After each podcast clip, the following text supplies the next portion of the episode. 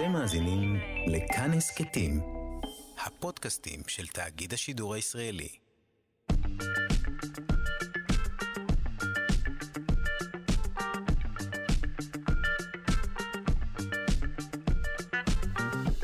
שלושה שיודעים.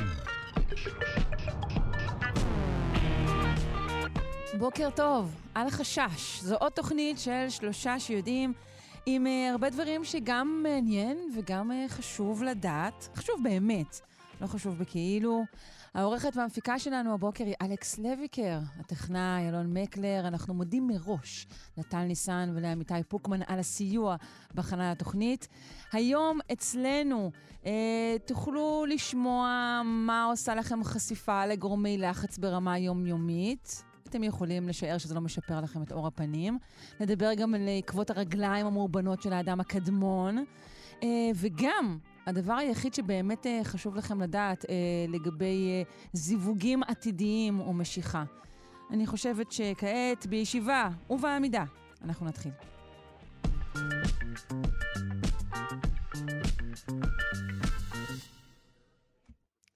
האם יש כאן עילה לתביעה נגד המדינה? ייתכן מאוד. אה, חשיפה לגורמי לחץ ברמה יומיומית מבגרת את המערכת החיסונית שלנו והופכת אותנו לחשופים יותר למחלות. אנחנו נפנה כעת לידידנו, הפרופסור סיריל כהן, ראש המעבדה לאימונותרפיה באוניברסיטת בר אילן. בוקר טוב, פרופסור. שלום, בוקר טוב, בוקר טוב, שבוע טוב, שרון. שבוע טוב. אז אתה לא מביא את הבשורה שסטרס ולחץ בעצם ממריצים את מחזור הדם ובכך מאריכים את חיינו. זה מצער אותי. אה, כן ולא, בוא נגיד ככה. זה נכון בטווח המאוד קצר. מה זה אומר קצר?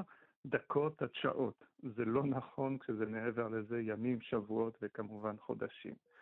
וזה בהחלט אה, אחד הדברים שהכרנו קצת על מערכת החיסון, אבל אה, יש קצת יותר, הייתי אומר, בתקופה האחרונה, הבנה לגבי איך זה עובד, לא רק כאילו התופעה עצמה שהיא קיימת, אלא מה, מה המנגנון שלה. Mm-hmm. אז כן, אנחנו מדברים פה על, על מחקר שבדק בעצם רמות גבוהות של סטרס אה, לאורך זמן, נכון? Mm-hmm, mm-hmm, ומה גילו? מחקר, אז זה מחקר מאוד מעניין, זה מחקר שמתבסס קודם כל על בערך 6,000 אנשים, אז זה כבר, אה, בוא נגיד ככה, גודל של מדגם שהוא אה, סביר מבחינתנו, למרות שהם בעצמם אומרים שהם היו רוצים להרחיב את המדגם. הם בדקו בעצם את הקשר בין, אה, הייתי אומר, גורמי לחץ שונים במהלך החיים. עכשיו, אפשר לחלק אותם לכל מיני רמות. את יודעת, יש את הסטרס של להיות תקוע בפקק. ויש את הסטרס אה, של, אה, לא יודע, להגיע לעבודה ולסבול עלבונות, ויש גם את הסטרס של כל החיים. אה, זהו, יש את החבילה המשולבת של להיתקע בפקק, לסבול עלבונות, לחזור הביתה, להתרגז על... על האישה או הילדים, או מי שזה לא יהיה, אתה יודע, אפשר לשלב. גם על הבעל, גם על הבעל. על הבעל, בוודאי, לא צריך לבחור.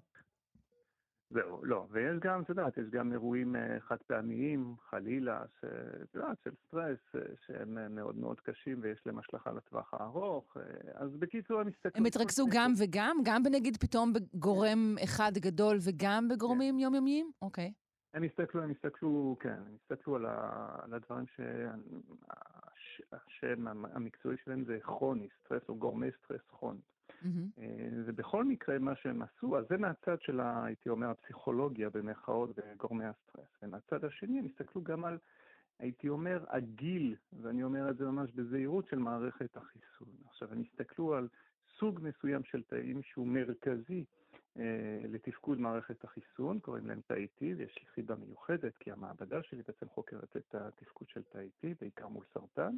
אז הם הסתכלו בעצם על תאי ה-T. עכשיו, אנחנו יודעים שתאי ה-T, יש להם כל מיני שלבים בחיים. הם נולדים אה, במח העצם, הם מתחנכים באיזשהו איבר שאנחנו קוראים לו הטימוס, בגלל זה קוראים להם תאי T, ואז הם יוצאים משם והם מסתובבים כמו חיילים טובים. עכשיו, הם בשניים או שלושה מצבים מאוד מאוד uh, מוגדרים. המצב הראשון הוא מצב שהוא נאיבי, מצב שהוא בעצם, הם, הם חיילים ככה ירוקים, הם אף פעם לא ראו את האיום, הם מסתובבים, הם צעירים, הם חזקים.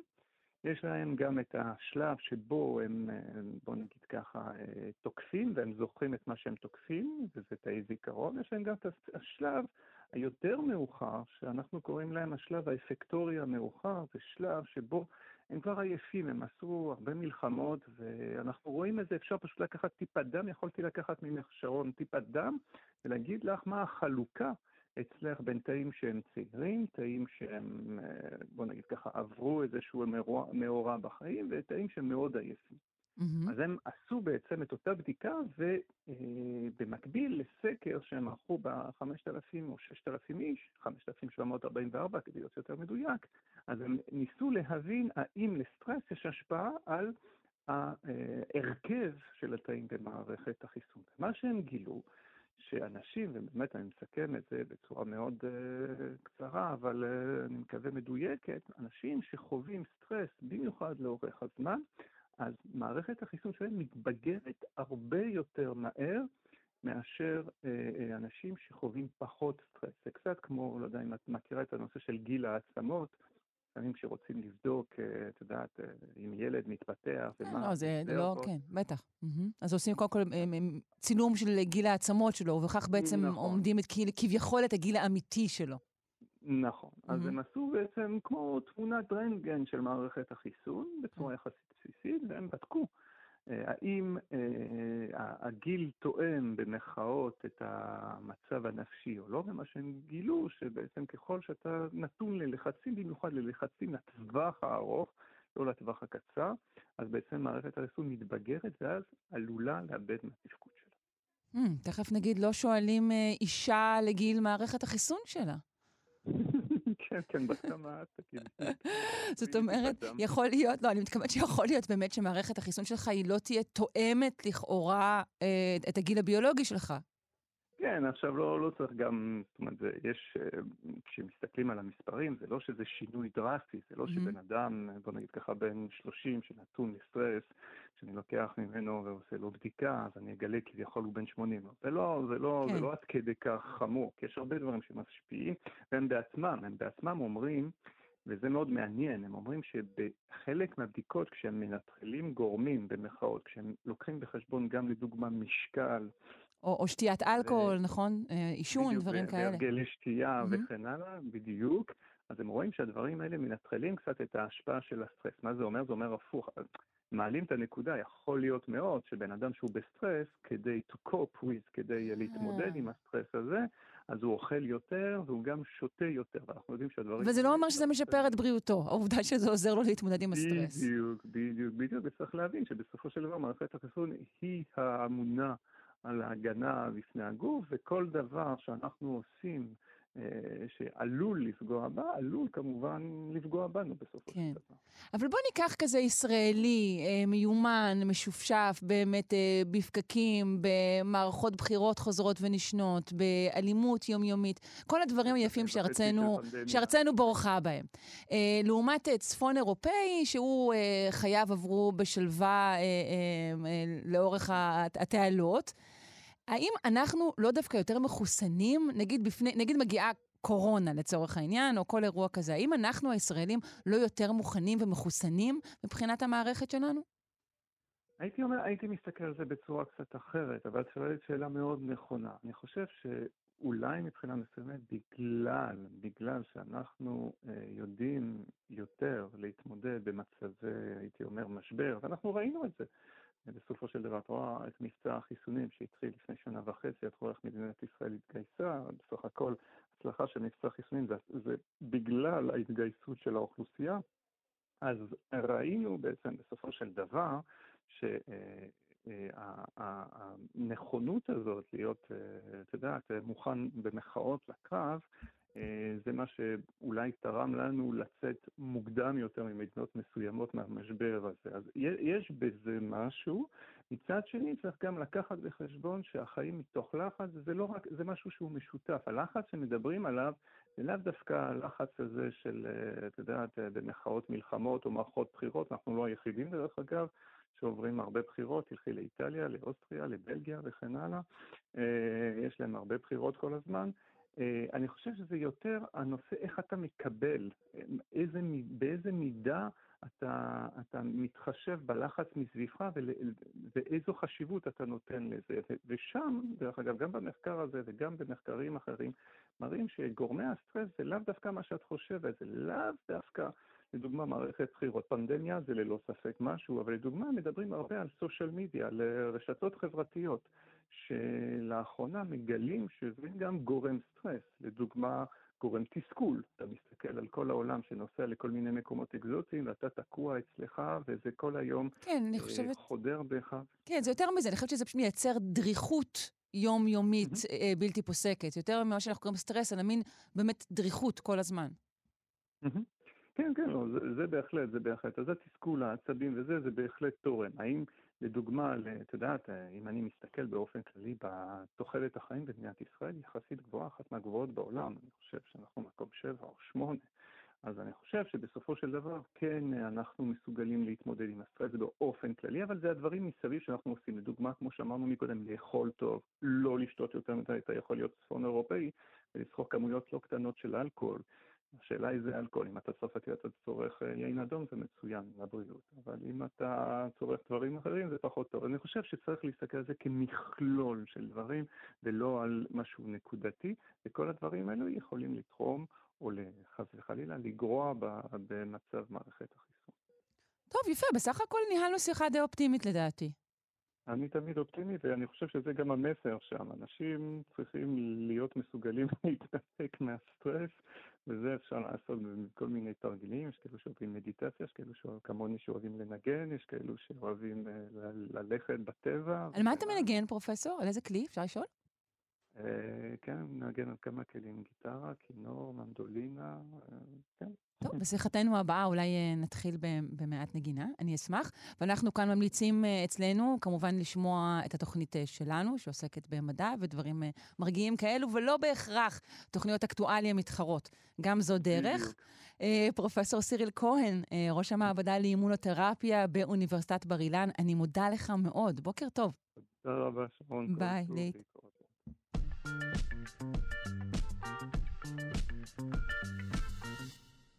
רוח רפאים כוכבית משוטטת לה ברחבי הגלקסיה, ללא כוכב אחר כבן זוג.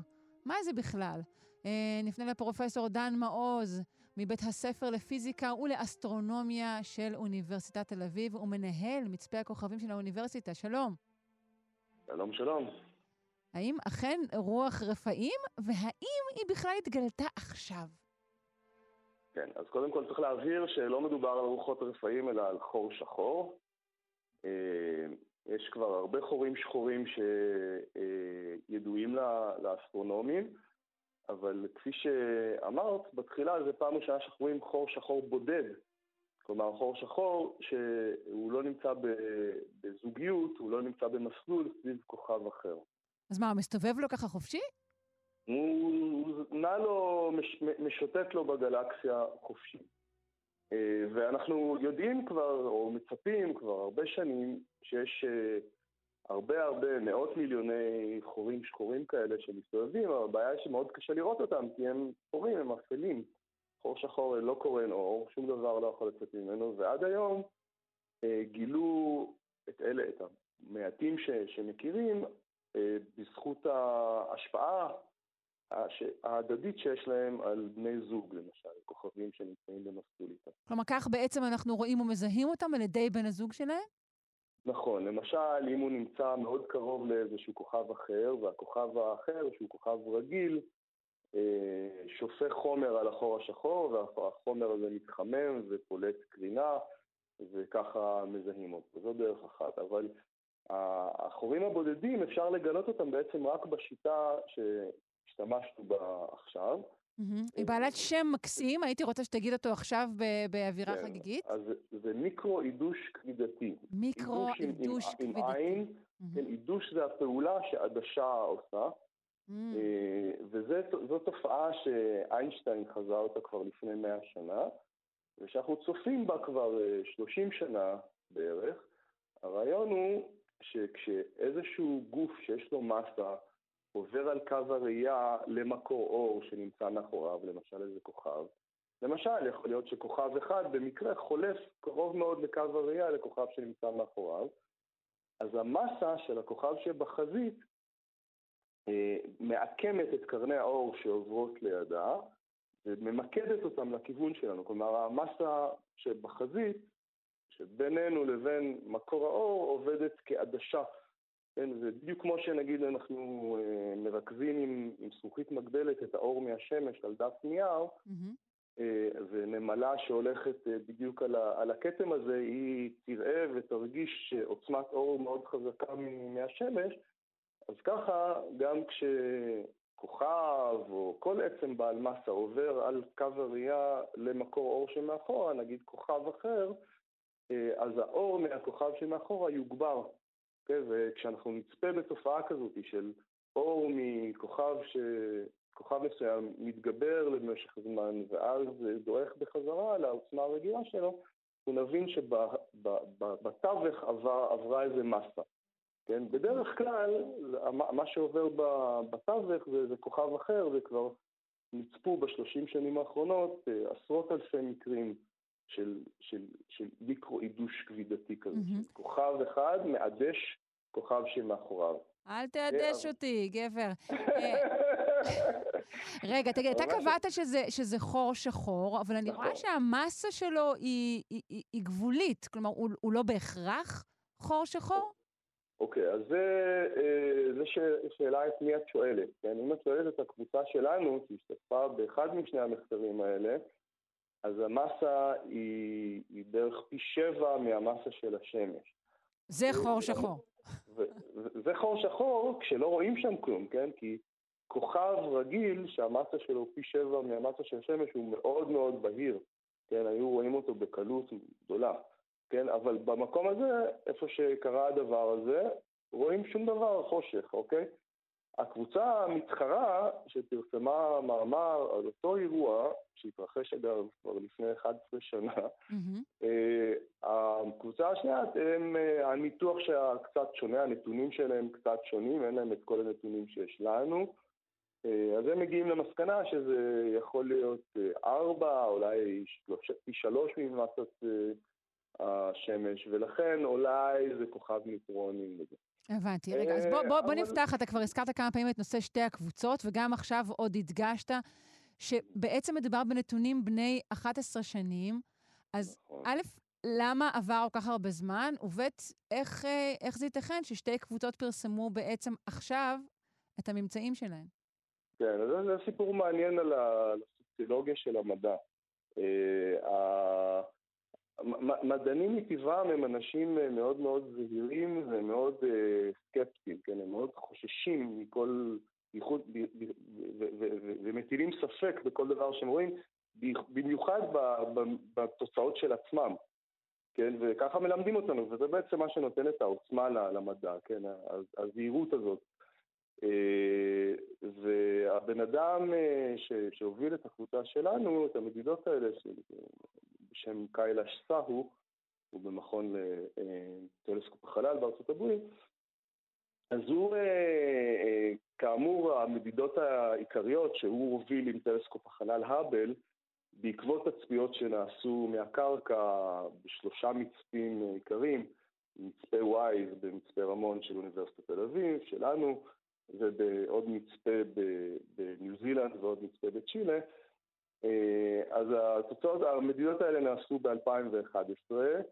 אה, היו עוד כמה מדידות עם טלסקופ החלל עד 2017, כלומר גם כן לפני חמש שנים, ואז הוא ישב על התוצאות האלה ובדק שוב ושוב והתלבט והיה אחוז ספקות. אה, בינתיים כל המדידות האלה, כפי שנהוג בעולם האסטרונומיה, המדידות הפכו לנחלת הציבור, נהיו ציבוריות. כן, וכל אחד יכול היה לו גישה אליהם. והקבוצה השנייה מברקלי בקליפורניה, הם אה, ראו את התוצאות האלה גם. מהר מהר ניתחו וכתבו מאמר עם המסקנה שלהם, שזה כנראה חור שחור, אולי mm. פחות מחור שחור. התבאסתם? אה, כמו ששואלים בחבר'ה, אה, התבאסתם? בעיקר הוא התבאס, כן. Okay. אוקיי. קיילש התבאס, אבל הוא מהר מאוד, מהר מאוד תפס את עצמו, אה, כתב גם כן אה, את סוף סוף את, ה, את המאמר, סיכם, ותיאם עם, ה, עם הקבוצה השנייה הסכם ג'נטלמני, או כזה ג'נטלמני וליידי, כי שם mm-hmm. בראש, בראש הקבוצה היא עומדות נשים, שנוציא את המאמרים ביחד, ובלי mm. שאחד יגלה לשני מה הוא, מה הוא מצא, מה הוא גילה, ככה שזה באמת, זה, זה מצוין, יהיו שתי אנליזות בלתי תלויות ואובייקטיביות. אה, ואכן התוצאות הן אה, מאוד דומות, יש הבדלים קצת בפרטים וזה גם מעניין וצריך אה, ניתוחים נוספים בשביל להבין בדיוק מה קורה, אבל זה מאוד מרגש, זו פעם ראשונה שבאמת אנחנו רואים, רואים את החורים השחורים הבודדים האלה שאנחנו מצפים למצוא אותם כבר הרבה שנים, אז הנה. אז מזל טוב, ובאמת אנחנו למדים גם מהסיפור הסוציולוגי הקטן שלך, לעתים כל מה שאנחנו צריכים זה איזשהו אויב שיפציע כדי לכתוב סוף סוף את מה שתכננו לכתוב הרבה זמן. נכון, התחרות, כמו בכלכלה, גם במדע, התחרות זה דבר מצוין. יופי. אז אני מאוד מאוד מודה לך, אה, פרופ' דן מעוז, מבית הספר לפיזיקה ולאסטרונומיה של אוניברסיטת תל אביב, ומנהל מצפה הכוכבים של האוניברסיטה. יום טוב. תודה, שרון. ביי.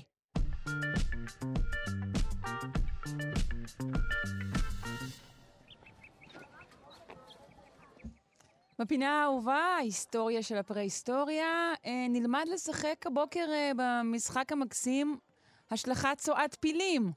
אה, נפנה כרגע לדוקטור אלון ברש, מומחה לאנטומיה ואבולוציה של האדם מהפקולטה לרפואה על שם עזריאלי באוניברסיטת בר אילן, שילמד אותנו את חוקי המשחק העליץ הזה. היי, בוקר טוב. בוקר טוב, בוקר טוב. אכן משחק ששינה עולמות, כמו שאת ואני שיחקנו כשהיינו ילדים קטנים. בוודאי, בוודאי. לא, לא אשכח. אה, אז הסיפור שלנו הוא היום על טנזניה, אה, אזור שנקרא ליטולי, אה, שכבר בשנות ה-30 של המאה הקודמת היה ידוע כאתר ארכיאולוגי ופרה-היסטורי, אפילו מדענים גרמנים נאצים טרחו להגיע לשם כדי לחקור את תולדות האדם. אבל הממצאים לא היו יותר מדי מלהיבים, ולכן האתר די נזנח. בשנות ה-70 חזרו לחפור אותו. דרך אגב, חזרה לחפור אותו מרי ליקי, שהיא משפחת ליקי המפורסמת. היא מהדור השני? אה, לא, מרי היא אשתו של, אה, של לואיס ליקי, אה, והיא מהדור הראשון. הראשון, אוקיי. אתה רוצה להעריך, נפתח רגע סוגריים קטנים על משפחת ליקי? בא לך? משפחת ליקי, כן, משפחה, משפחה נורא חשובה ונורא מפורסמת מאפריקה, שבאמת חפרה וחקרה המון על האבולוציה של האדם. אמ, דרך אגב, הם אלה שהביאו את ג'ים גודו לאפריקה כדי אה, לחקור את השימפנזים. באמת, משפחה נפוצה. אה, כמה וכמה דורות של אה, זואולוגים, אקולוגים וארכיאולוגים שחיו ועדיין חיים, חלקם עדיין עובדים ביבשת אפריקה, משפחה באמת, נקדיש להם גם פינה באחד הפעם. מצוין. אמ, וכשמרי ליקי הגיע לחפור שם בשנות ה-70, אה, הגיעו איתה גם צוות של כמה חבר'ה צעירים, אה, דוקטורנטים ודוקטורים צעירים, ביניהם בחור צעיר שקוראים לו אנדרו היל, שבאחד אה, מערבי, מאוד חם שם כמובן, באחד מהערבים שיחקו, כמו שאמרנו, במשחק ההוא של זריקת צואה, פילים אחד על השני, וניסיון להתחמק מאותה צואה. אנדרו היה זריז ובאמת אתלטי, השתטח על הרצפה. אלוף בהתחמקות מצואת פילים. ממש, ממש, כל הכבוד לו, כי בזכות זה שהוא השתטח על הרצפה, הוא גילה מול עיניו טביעות רגליים. די, נו, זה, זה, זה, זה אגדה, לא אגדה אורבנית, כמובן, כי לא מדובר בשום דבר אורבני, זו אגדה ג'ונגלאית. אז, אז לא, זה סיפור ממש אמיתי, ואומנם זה היה עקבות רגליים של בעלי חיים, אבל הם לא היו חדשים, הם היו ממש מאובנים. זאת אומרת, חוץ מאשר לשחק בצואת פילים, גם אנחנו משחקים בבוץ. אה, הסיפור באותו אזור זה שלפני אה, 3.66 מיליון שנה, בעלי חיים הסתובבו באזור הזה, ולמה נשארו טביעות הרגליים שלהם? מכיוון שממש באותו רגע התפרץ שם הר געש. וכמה ימים אחרי שהתפרץ אותו הר געש, ירד שם גשם, ואותו אפר וולקני פשוט הפך להיות uh, בוץ. Mm-hmm. והבוץ הזה, על, על הבוץ הזה הלכו המון המון בעלי חיים, יש כמה עשרות בעלי חיים שהשאירו שבילים על הבוץ הזה. ובאמת אה, מאוד מאוד מסקרן ולראות את השבילים שהם השאיר, כנראה שזה גם היה שם איזשהו אגם בסביבה. כלומר, המהלך הזה של התפרצות וולקנית, ואז גשם, ואז בוץ בעצם משמר את העקבות בצורה טובה יותר? זה כמו בטון, mm. ממש כמו בטון. אוקיי. Okay. ובנוסף לזה, אחר כך הייתה עוד התפרצות שגם כיסתה את זה. Mm. עכשיו, אה, אה, איפה וולקנים מאוד קל לתארך, בגלל זה אני מתעקש על ה-3.66 מיליון. כן, כן, אני התרשמתי. באמת, וגם הפלוס מינוס מאוד קטנים, איפה וולקנים ממש זה הדבר הכי טוב שאפשר לתארך בכל מיני איזוטופים רדיואקטיביים. ובין היתר נמצאו שם עקבות של יצור שהלך על שתי רגליים. או, מי הוא אותו יצור? וזה היה שנת 76, 77, כבר היה, הניחוש היה יצור שקצת דיברנו עליו, הזכרנו את שמו, אוסטרלופיטקוס אפרנזיס. שזה באמת מין קדום של אדם, לוסי היא אוסטרלופיטקוס אפרנזיס. Mm. באמת אה, יצור קדום מאוד, אה, קטן מאוד, ופתאום אנחנו רואים את עקבות הרגליים, ולא סתם עקבות הרגליים. תזכיר לנו, מה זה אומר קטן מאוד? אה, שקלה בסביבות בין 20 ל-30 קילו, הייתה בסביבות מטר 30, מטר 40, משהו כזה, לא יותר מזה, יצורים קטנטנים. העקבות המקוריות שהתגלו, מה שנקרא אזור G בתוך האתר הזה בליטולי, הראו עקבות של שני בני אדם, אחד גדול, אחד קטן, שהולכים באותו כיוון, זה נראה בהתחלה שהם הלכו אחד ליד השני, תראי, בדרך כלל אנחנו מוצאים מאובנים, כן? מוצאים עצמות יבשות והאינטרפטציה, הפירוש שלהם הוא די מסובך. פתאום יש שם עקבות רגליים. זה ממש לגעת באותם יצורים. כן, ולומדים מזה המון המון דברים מעניינים. למשל, הדבר הבסיסי ביותר, רואים עקבות רגליים בלי עקבות ידיים. זאת אומרת, הם הולכים על שתיים, לא הולכים על ארבע יותר. כן. אה, אנחנו רואים... ועד ש... כמה, כמה זה, אותה כמה טביעת הרגל כשלעצמה אה, דומה לטביעת רגל של אדם מודרני? ממש שתי טיפות מים. חוץ מאשר הגודל, שגם היה באמת גודל קטן, הגודל של העקבות הוא בערך 20 סנטימטר, עקבות mm-hmm. של אדם מודרני זה בערך 26, 27 סנטימטר, משהו כזה, זאת אומרת באמת קטנים יותר. אבל למשל, אה, כל אצבעות כף הרגל מצביעות קדימה.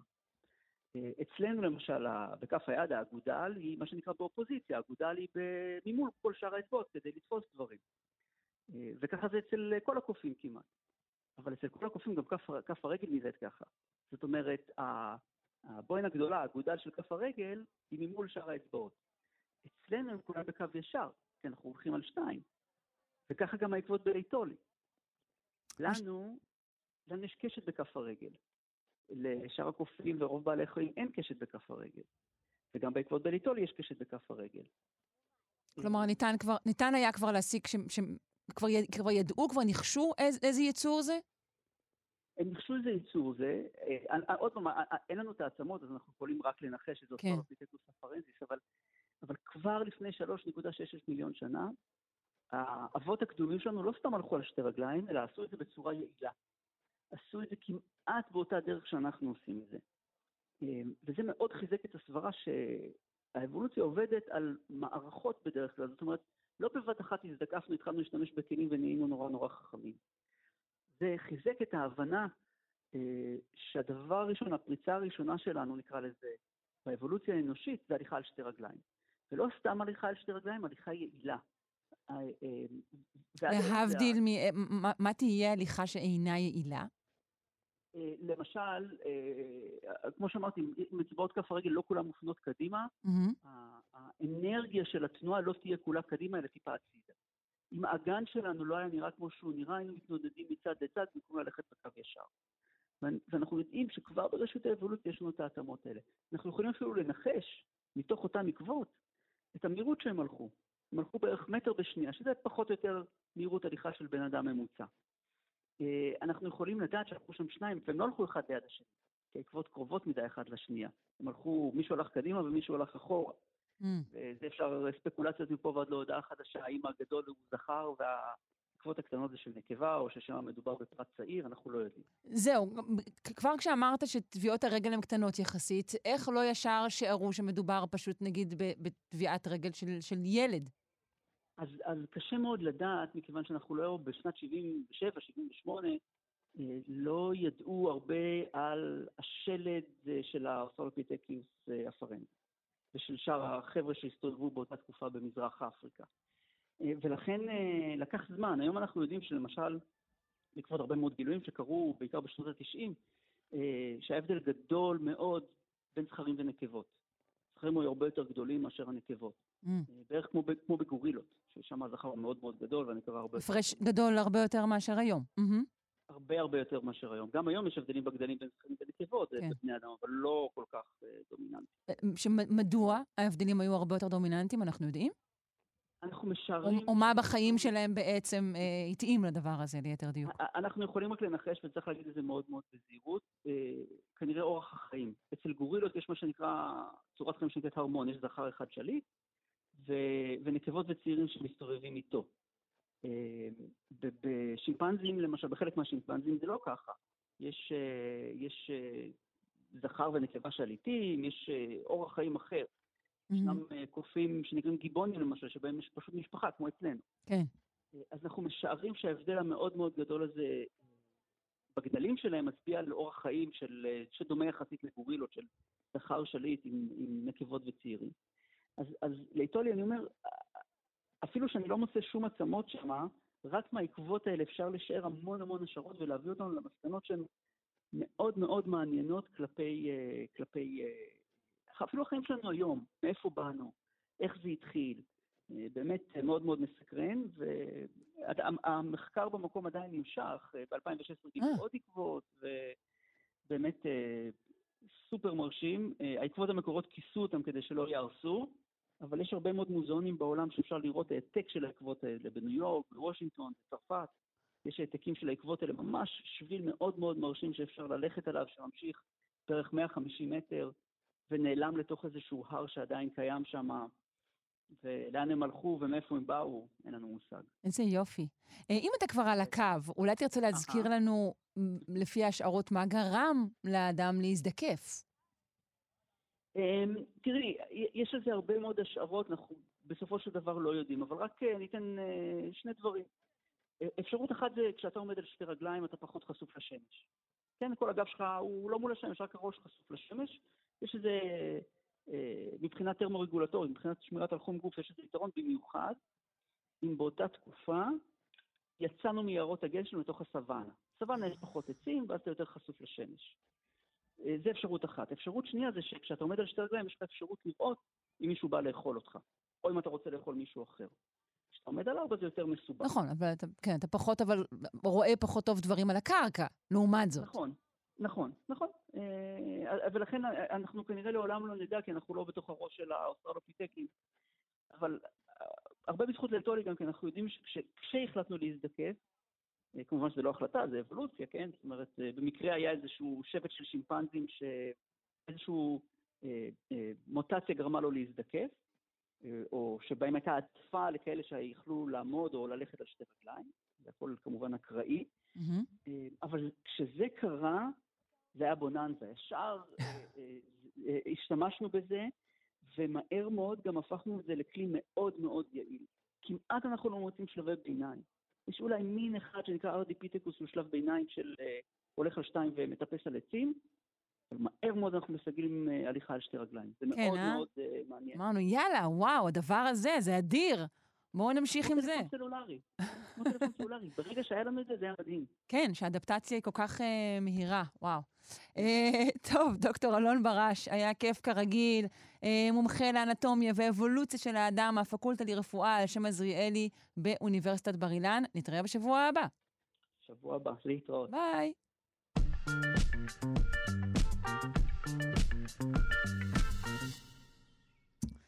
הדברים שהיו לי תמיד הכי מוזרים באפליקציות של היכרויות, הוא שאין בהן ריח. כאילו, מראה זה משהו שטוב לחצי דייט. אחרי כמה דקות זה, זה כבר ריח. והנה, מחקר חדש מאשש את תחושתי. אנחנו נפנה לענבל רב רבי, דוקטורנטית המחלקה למדעי המוח במכון ויצמן, ומובילת אה, המחקר החדש. שלום. היי, בוקר טוב. היי. ראשית אני אשאל, מה גרם לך לגשת אה, למחקר הזה?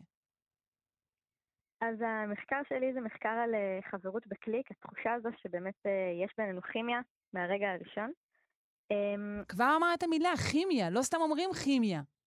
בדיוק. הביטוי. באמת, באמת זה, זה בדיוק מה שגרם לי לגשת. כלומר, אה, יש את החוויה הזו שכולנו חולקים אותה, ש, שיש בינינו כימיה, שמשהו שם עובד, אה, והשאלה אם באמת יש בינינו כימיה. וזה מה שבאתי לשאול פה. כלומר, האם באמת כשאנחנו אה, מרגישים את החוויה הזו, אה, יש ריח, ריח גוף שלנו ושל הבן אדם השני, והדבר הזה, הדמיון פה, אה, משפיע על האינטראקציה בינינו. זה הקליק, עכשיו... הריח. אז בואי תראי, תגידי לנו אה, בעצם אה, איך בדקת את העניין הזה. זה לא נשמע לי דבר פשוט לבדוק. אז מה שעשינו, ביקשנו מאנשים לתרום ריח גוף, והם פשוט אה, ישנו עם חולצות, אה, חולצות אה, ב-100% כותנה במשך שני לילות רצופים. מה, של כזה סוף אה, מסע כומתה? אחים לא, שלי, 2012 לא. לנצח? אה, אוקיי. פשוט חולצות פשוטות, לבנות, בלי כיתוב. אבל אוקיי. ישנו ככה שני לילות רצופים אחרי שהם התקלחו עם סבון ללא ריח. אנחנו סיפקנו להם, ושלושה ימים לא אכלו מאכלים שמאוד משפיעים על ריח גוף, כמו חיל בארי, אמבה, אספרגוס, שום, בצל. אמ, ואז אנחנו לקחנו את החולצות האלה, אה, שהיו של אה, חברים בקליק, עשרה זוגות של אה, בנים שהיו חברים בקליק ועשרה זוגות של בנות חברות בקליק, ואנחנו לקחנו אותם למה שנקרא האף האלקטרוני. בעצם... האף האלקטרוני. כן, מכשיר שמאפשר לנו למדוד בעצם ריחות ולהשוות דמיון כימי ביניהם. לקחנו את זה, ומה שראינו שם זה שבאמת אה, חברים, אותם חברים בקליק, היו אה, דומים... כשאת אומרת חברים בקליק, אני מבינה לפתע שלא מדובר באיזה ביטוי, נכון? מה זה חברים בקליק? אוקיי, אז חברים בקליק, באמת, אה, באמת יש את האינטואיציה הזו שלנו, של מה זה קליק. אה, אה, אוקיי, כמו שאנחנו אומרים, שנהיו חברים כן, כן. ישר? אוקיי, הבנתי. בדיוק, אז האינטואיציה הזו ש, שיש לנו, מתברר שזה משהו שככה אנשים באמת חולקים אותו. אנחנו קודם כל שאלנו 225 אנשים מה זה חברות בקליק, והדבר הזה שעכשיו עולה בראש שלנו, החברות המיידית הזו, החזקה, התחושה שיש כימיה, שאנחנו באותו ראש על אותו גל, זה משהו שאנשים ממש, ממש מבינים על מה מדובר. כלומר, רוב האנשים, כמעט כל האנשים שנשאל מה זה חברות בקליק, זה בדיוק מה שהם יגידו. אוקיי. Okay. אמ, פשוט זה נשמע כמו איזה שם של אה, אפליקציה, או פורום כלשהו של אנשים, בסדר, אוקיי. אז כאילו הביטוי הישן והטוב, נגיד אתה נכנס לחדר, מסיבה, הרבה אנשים, והבן אדם האחד הזה שמשום מה אתה מדבר איתו במשך שעתיים וחצי, אה, ואז אתה... אוקיי, בסדר. בדיוק, אז אנחנו איתרנו חברים שזו הייתה החוויה שלהם, כלומר שהם מבחינת שניהם ברגע הראשון חוו אה, שהיה, שהיה את הקליק הראשוני הזה, אה, ומאז הם חברים, אחרי שהיה להם אה, קליק הדדי. אוקיי. אה, אוקיי. ובאמת אנחנו חשבנו שחברות בקליק זה, זה במיוחד סוג של חברות שמועד להיות מוסבר על ידי אותה כימיה. כן, יש שם איזה משהו שמרגיש לנו כמעט כמו איזה קסם, משהו לא מוסבר, וסיכוי טוב שזה באמת מושפע מאיזה משהו פיזיולוגי ש, שעומד מאחורי התופעה. Mm. עכשיו, מה, מה בכלל היה, היה בראש שלנו כשניגשנו? אז אנחנו יודעים שאנחנו כל הזמן אה, מרחכים את עצמנו אה, ומרחכים את האנשים בסביבה שלנו מצד אחד, אבל אנחנו לא יודעים... לרוב, למרות שזה דבר שפחות רואים, נגיד, אנחנו לא מתנהגים בדיוק כמו כלבים כשאנחנו נפגשים. אז אה, זה דווקא, דווקא לא מדויק, אנחנו פשוט לא מודעים לזה, וזה היופי בחוש הריח, הוא נורא נורא משפיע עלינו בהמון דברים בלי שנהיה מודעים. אז כמו שכלבים באמת דבר ראשון ניגשים אחד לשני, מרחכים, אה, וזה משפיע על איך שהם התנהגו, ולמעשה לא רק זה, אלא כבר מ-500 מטר כלב קולט ריח של כלב אחר, ויודע אם הם עכשיו הולכים להיות חברים או אויבים וכדאי לגשת או לא. אז אצלנו כשאנחנו ניגשים לבן אדם, לרוב אנחנו נלחץ יד, ואת היד הזו אנחנו אה, נריח המון מהפעמים אחר כך, הרבה יותר ממה שהיינו מצפים. ככה mm. שאנחנו חושבים שזה משמש אותנו אה, ללארח אה, לארח את הבן אדם השני, אבל מעבר לזה אנחנו כל הזמן, כל הזמן, ממש אה, כל כמה דקות, אה, מריחים את היד שלנו. אה, ובעצם בעצם באופן לא, לא מודע, כן, את יודעת, אנחנו נקרב את היד לאף, נקרב את היד לפה, קצת נתגרד. אנחנו כל הזמן כמעט, ממש כל כמה דקות מריחים את ריח הגוף שלנו, ואנחנו משווים את זה לריח הגוף של מי שמסביבתנו אולי. זה מה שאנחנו רצינו לבדוק. ו... ומה שחשבנו זה שזה עשויה להיות דרך בעצם אה, להשוות את ריח הגוף שלנו לאחרים ולהחליט האם, אה, האם להתקרב או להתרחק. עכשיו אנחנו יודעים שחברים דומים אחד לשני בהמון המון דברים, הם דומים במראה, הם דומים אה, בגיל, הם באישיות, בערכים. בטעם המוזיקלי. בטעם המוזיקלי, ומעבר לזה הם אפילו דומים בתגובה המוחית שלהם לסרטים למשל, ובגנים שלהם. ואנחנו רצינו לשאול האם גם ריח הגוף מתווסף לרשימה הזו. ויכול לשמש פה גורם שמשפיע על הנטייה שלנו להתחבר. ושוב, אנחנו מדגישים, מדובר על, על חברות, ו, ולא על, על, על יחסים רומנטיים או מיניים, על חברות. נכון, mm-hmm. נכון, מדובר על חברות בני אותו מין, זה מה שאנחנו בדקנו. אז ככה, כשאנחנו הלכנו לאף האלקטרוני, באמת מצאנו שחברים בקליק דומים יותר אחד לשני ברמה הכימית מאשר אנשים שהם זוגות רנדומיים, בעצם כשערבבנו בין האנשים שלנו ובדקנו את הדמיון ביניהם. אמ, ואז אמרנו, אוקיי, אבל האם אנשים, אמ, אנשים שמריחים יגידו אותו דבר? כלומר, האם גם אנחנו בני אדם תופסים את, את הדמיון הכימי אה, באופן דומה לזה שאף האלקטרוני תופס אותו? אז, אה, אז ככה עשינו כל מיני אה, מבחנים תפיסתיים, אחד מהם היה מאוד מאוד פשוט, נתנו לאנשים כל פעם לארח שני ריחות, ושיגידו האם שני הריחות, עד כמה הריחות האלה דומים או שונים. חצי מהפעמים העריכות האלה היו של חברים בקליק, וחצי מהפעמים האלה היו, חו... אה, היו עריכות של זוגות רנדומליים. ומה שראינו זה שגם אנשים בדומה לאף האלקטרוני תופסים חברים בקליק כדומים אה, יותר בריח הגוף. אה, ואז אמרנו, אוקיי, אז אנחנו רואים שבאמת חברים בקליק יותר דומים אחד לשני בריח הגוף, גם כימית וגם תפיסתית, אבל האם אנחנו יכולים בעזרת דמיון, דמיון בריח הגוף, לנבא מראש האם יהיה קליק בין אנשים, ומה תהיה, מה יהיה טיב האינטראקציה אחר כך. כן, כאן גם בניבוי, אה, אם יורשה לי להכניס את המונח הבזוי, נמצא הכסף הגדול. אז, אה, אז מה שעשינו בשביל אה, לבדוק את זה, ביקשנו מקבוצת נבדקים נוספת, למעשה שתי קבוצות, קבוצה של גברים וקבוצה של נשים, לתרום לנו את ריח הגוף, יותר נכון לומר פה זכרים ונקבות. לתרום את ריח הגוף שלהם, ואז לבוא למעבדה. ומה שעשינו, אה, ביקשנו אה, כל פעם אה, מאותה קבוצה, פשוט להתחלק לזוגות ולשחק יחד את משחק המראה. מה זה משחק המראה? זה משחק שבו הם התבקשו לעמוד חצי מטר אחד מהשני, מה שאפשר להם להריח את ריח הגוף, גם אם בצורה לא מודעת של זה, ולהזיז את הידיים שלהם בצורה כמה שיותר מתואמת במשך שתי דקות.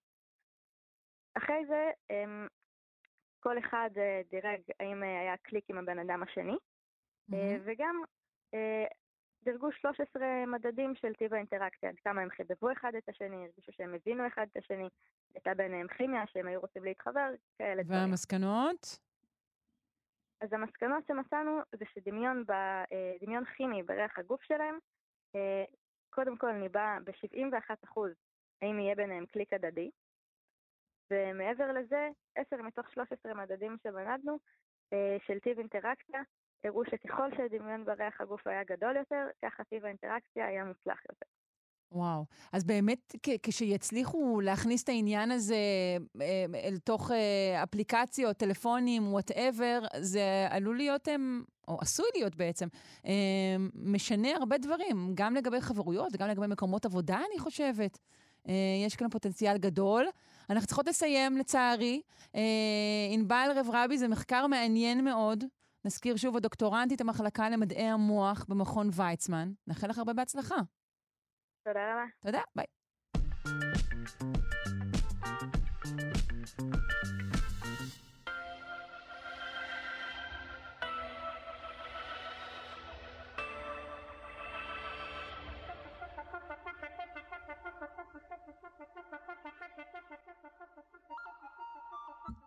פינת החדשנות ברפואה עם הדוקטור מיכל חמולות, מנכ"לית אושיה ומומחית בחדשנות ועתידנות רפואית. בוקר טוב. בוקר טוב, שבוע טוב. שבוע טוב. היום אנחנו, אה, לצערי, מעט קצרות בזמן, מה שכמובן מעלה לי את לחץ הדם. האם תוכלי לעזור לי?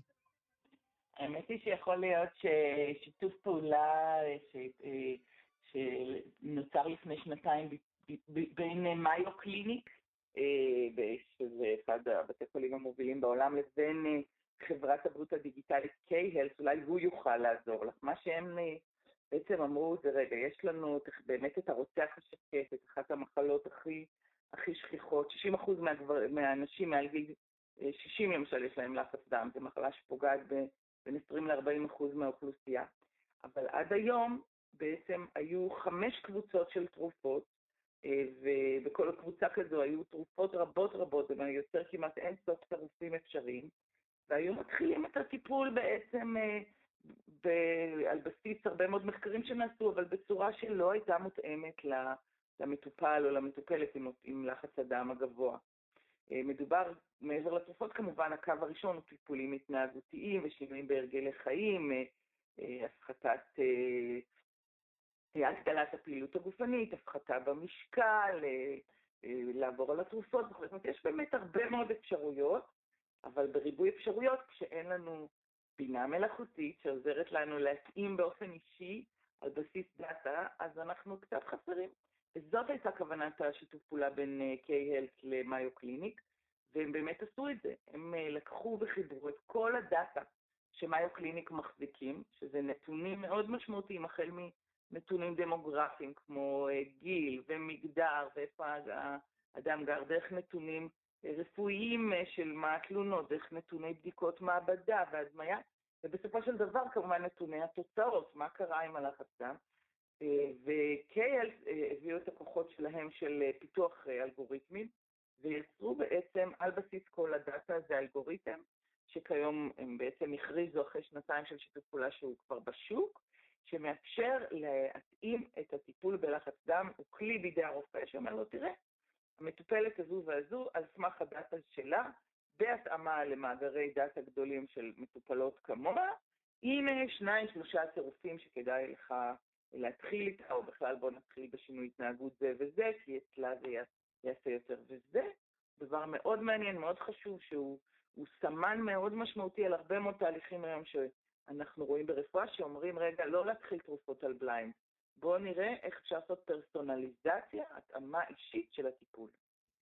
אמ, כלומר, מה שהוכנס אל ה... אה, המידע שיש לנו הוא, הוא גם אה, מידע כללי על הבעיות, אבל גם מידע כללי על מה עזר ובאיזו מידה לאנשים עם בעיות דומות, כן?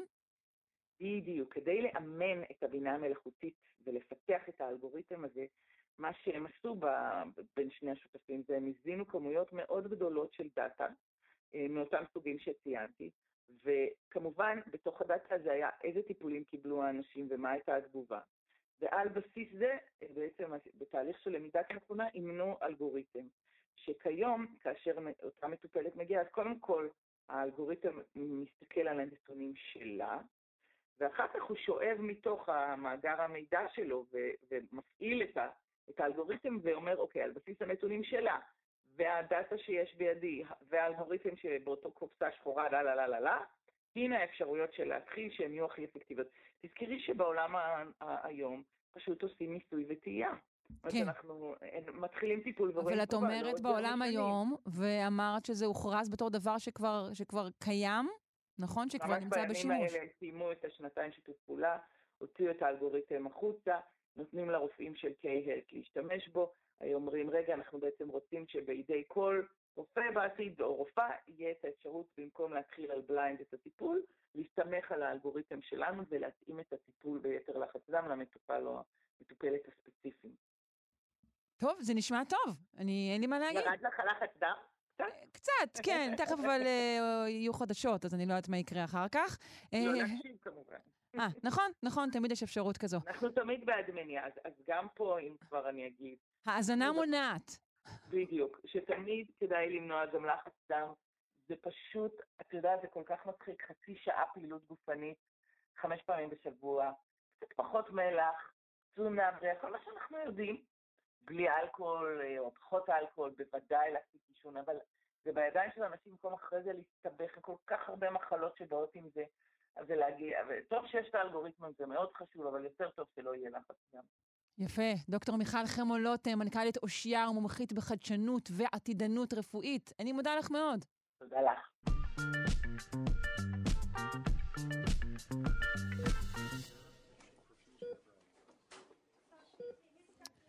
חוקרים הצליחו למנוע מחלת מפרקים ניוונית באמצעות מניפולציה גנטית. נפנה לפרופסור מונה דביר גינזבורג, ראש המעבדה לחקר הסחוס בפקולטה לרפואת שיניים באוניברסיטה העברית בירושלים. שלום, בוקר טוב. בוקר טוב, מה שלומך? אני בסדר, איך את? בסדר גמור. נו, אז יופי. אה, אבל עדיין, יש אנשים שמרגישים פחות טוב מאיתנו, ואנחנו רוצים אה, לתת להם את אה, כל תשומת הלב כרגע. מחלת מפרקים ניוונית היא משהו די נפוץ, נכון? מאוד. מדובר בסביב ה-300-400 מיליון איש בעולם שסובלים מהמחלה הזאת בדרגות חומרה שונות, בעיקר במפרקים נושאי משקל, כמו הירך והברך. זה בהחלט מכביד על אורח חיים פעיל ו... ו... ותקין. אוקיי. Okay. אז אצלנו במעבדה אנחנו חוקרים את המחלה הזאת אה, כבר יותר מעשר שנים, ואנחנו מנסים להבין מה גורם למחלה הזאת, בייחוד אה, בעקבות אה, מחקרים אפידמיולוגיים שמראים שישנה תאחיזה של גיל מתבגר ומחלות מטבוליות שונות, או סינדרום מטבולי עם התפתחות המחלה. יש גם לא מעט מחקרים שמראים שמי שחווה טראומה אה, במפרק אה, או בגפיים יכול בסביר, בסבירות גבוהה לפתח את המחלה הזאת. Mm. טראומה במפרק זה נגיד אה, פציעה של ספורט, משהו כזה? פציעת ספורט, mm-hmm. כן, פציעת ספורט, תאונת דרכים וכולי, כן. אוקיי, okay, אוקיי, okay, אבל לרוב מה שידענו עד עכשיו זה שקשה מאוד לתקן, נכון? ברגע שהנזק כבר נעשה. אז זה, זה, זה לא באמת מדויק, זה מדויק באופן חלקי. עקרונית, יש לנו טיפול לאנשים שמגיעים בשלב מאוד מאוחר של המחלה, והטיפול הוא למעשה אה, משטחי כאבים, אה, זה לא מטפל בהידרדרות המחלה, אבל בסימפטומים בהחלט כן. יחד עם זה, יש גם כל מיני טיפולים שמבוססים על סיכוך של המפרק, שמעט מונעים גם את הכאב, מעט אולי מונעים את ההידרדרות, אבל לא בצורה מהותית. בסופו של יום אה, המטרה היא לדחות את הקץ אה, ולהגיע בשלב הכי הכי מאוחר למצב שבו מחליפים את המפרק. אה, ומחליפים את המפרק בדרך כלל עם פרוטזה שמבוססת על טיטניום.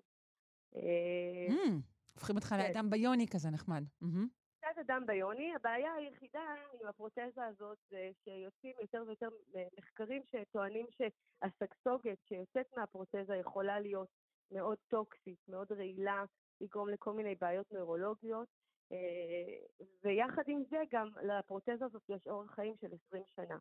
אז אם אדם אה, מגיע בגיל 75 לניתוח אה, כזה, אם הוא יחיה עד 120, רוב הסיכויים אה, לעבור עוד פעם ניתוח כזה בגיל לא צעיר. ובגדול אה, אנחנו לא מעוניינים להחליף חלקים, אם אפשר שלא, נכון? ממש לא, כן. אז אנחנו מנסים להבין מה גורם למחלה הזאת אה, במעבדה שלי, ואנחנו בעצם יצרנו אה, מודל אה, גנטי שהראה אה, איזושהי הטבה מסוימת בהתפתחות של המחלה לאחר אינדוקציה של פוסט-טראומה. אז אנחנו עושים כדי לגרום למחלה הזאת להתרחש במודלים פרה-קליניים, בעיקר בעכברים, אנחנו עושים איזושהי אינדוקציה פוסט-טראומטית, ותוך שמונה שבועות המחלה מתפתחת, ואנחנו הצלחנו למנוע את זה בעכבר אה, עם איזשהו אופן מסוים של אה, אה, מחסור גנטי, וזה היה מאוד מעניין, מכיוון שהצלחנו להבין שיש אזור מסוים במפרק ש... אה, מאוד אה, כשכאשר הוא הופך להיות קצת יותר מסויד, אנחנו מפתחים את המחלה, אה, בעוד שבמודל הספציפי הזה, הגנטי, הצלחנו למנוע את ההסתיידות באזור הזה, זה באזור של מפרק הברך החיצוני, ומנענו את המחלה הזאת בעכברים הללו. איך מנעתם אותה? איך? אז אנחנו טוענים ש... ההסתיידות של החלק החיצוני של המפרק, מפרק הברך, ברגע שהיא מתרחשת היא גורמת למשקל, אה, אה, נשיאת משקל שונה. נשיאת המשקל היא עוברת לפנים הברך, וכתוצאה מכך אה, ישנה יותר שחיקה בפנים הברך, שמלווה בדלקת והידרדרות. כלומר, למרות שהבעיה, נגיד, היא, היא, היא בצד החיצוני של הברך, בעצם, נכון. בעצם הבעיה הזו משליכה ויוצרת את השחיקה על הצד הפנימי. הצד הפנימי. Mm-hmm. הצלחנו גם uh, לייצר איזשהו טיפול uh, כימי על ידי הזרקה תוך מפרקית שמדמה מצב שבו אנחנו בעצם עשינו את החסר הגנטי, כי הרי אי אפשר לעשות אצל אנשים חסר גנטי בברכיים, אז uh, יצרנו איזשהו טיפול מסוים שמדמה את המצב הזה, והצלחנו גם למנוע את uh, הידרדרות המחלה במודל פוסט-טראומטי. וואו, זאת בשורה של כן. ממש. כן, כן, כן. והאם... אנחנו מקווים ש... כן, מה אתם מקווים? שזה ימשיך הלאה.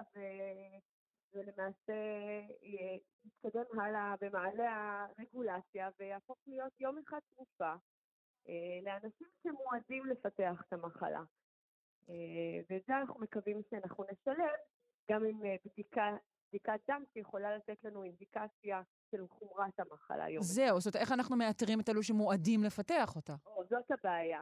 כי אנחנו יודעים שיש הרבה מחקרים אפידמיולוגיים והרבה גורמי סיכון, אבל אנחנו לא יודעים להגיד אם את או מישהו אחר יפתח את המחלה הזאת עוד עשר שנים, וצריך להתחיל עכשיו טיפול מונע. אה, מכיוון שרוב האנשים מגיעים כבר בשלב מאוחר מדי, אה, ובאמת אי אפשר לעזור להם, אז אנחנו חייבים לעשות, הדרך לעזור זה רק על ידי טיפול מונע, ולאתר את האנשים האלה זה לא פשוט. אז uh, במקביל לעבודה הזאת, אנחנו פרסמנו עבודה לפני שנתיים, שמטרתה באמת לעשות על ידי בדיקת דם פשוטה, לעשות uh, איזשהו אבחון של התחלה של המחלה, uh, על ידי ביומרקרים חלבוניים בדם שמשתנים עם, uh, עם, עם התפתחות המחלה. אז אנחנו מקווים שיום אחד נוכל לשלב בין התרופה לבין הביומרקר. הביומרקר כשעצמו, הבדיקת דם הזאת חסרת משמעות ללא הטיפול, אה, וביחד נוכל אה, לעשות רפואה מותאמת אישית ומונעת יותר טובה אה, לאנשים שסובלים או מועדים לסבול מהמחלה הזאת. זה אדיר. דיברת על ברכיים, אבל התכוונת גם למפרקים אחרים? זה, יכול, זה עובד על הכל? אז הניסויים שלנו היו, אני חייבת לסייג, בחיות מודל, בדרך כלל המפרק הכי שכיח ש... שהמחלת מפרק הניוונית הזאת מתרחשת בה זה מפרק הברכיים. המפרק, מפרקים אחרים עוד לא בדקנו, אבל בהחלט זה יכול מאוד להיות, גם במפרק הירך. ישנם מפרקים שהם קצת יותר קטנים שרואים בהם מחלת מפרק ניוונית, כמו ממש בכפות הידיים, במפרקים של הידיים ושל האצבעות. Mm-hmm. לפעמים גם בלסת, במפרק הלסת. או, כאן את מביאה אותי לשאלתי הבאה, שכן, אני ציינתי בראשית שיחתנו, מה לרפואת שיניים ולברכיים? אז זהו, אז הייתי חייבת להקדים אותך, כי אני כל כך מכירה את השאלה הזאת. רפואת שיניים באופן מסורתי, מחקר, המחקר ברקמות קשות, מפרקים מאוד מאוד נרחב. בהרבה מאוד יחידות או פקולטאות של רפואת שיניים בעולם. אבל בהחלט כן, זאת אומרת, גם הלסת סובלת ממחלת מפרק ניוונית, ואז כמובן זה גורם לכאב, זה גורם לחוסר יכולת של תנועה בלסת, סגר מוגבל, לעיסה מוגבלת, דיבור מוגבל, כן. אז זה גם קורה בלסת. ו... אז בעצם יצאתם מהלסת והגעתם אל הברך. לא, אנחנו לא רוצים להזניח את יתר המפרקים, אנחנו משתדלים להסתכל על כל המפרקים, פשוט המודל של הברך הוא יותר נגיש לנו, ופשוט יותר קל, גם בחיות מודל וגם מבחינת החומר שאנחנו מקבלים, mm-hmm. החומר הקליני שאנחנו יכולים לקבל, הוא יותר נגיש לנו ממפרק פגום של לסת. מבן אדם למשל. אם אנחנו רוצים לאמת את הדברים בבני אדם, אז יותר קל לנו לקבל מפרקים מהחלפות מפרק של ברך מאשר מהלסת. מובן. טוב, נאחל לכם בהצלחה בסולם הרגולציה, כפי שכינינו אותו. פרופסור מונה דביר גינזבורג, ראש המעבדה לחקר הסחוס בפקולטה לרפואת שיניים באוניברסיטה העברית בירושלים. בוקר טוב. רב תודות. בוקר טוב.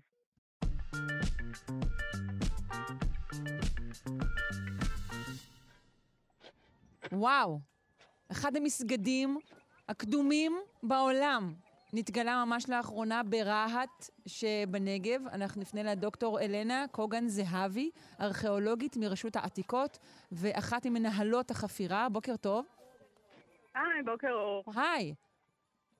מתי גיליתם את המסגד הזה?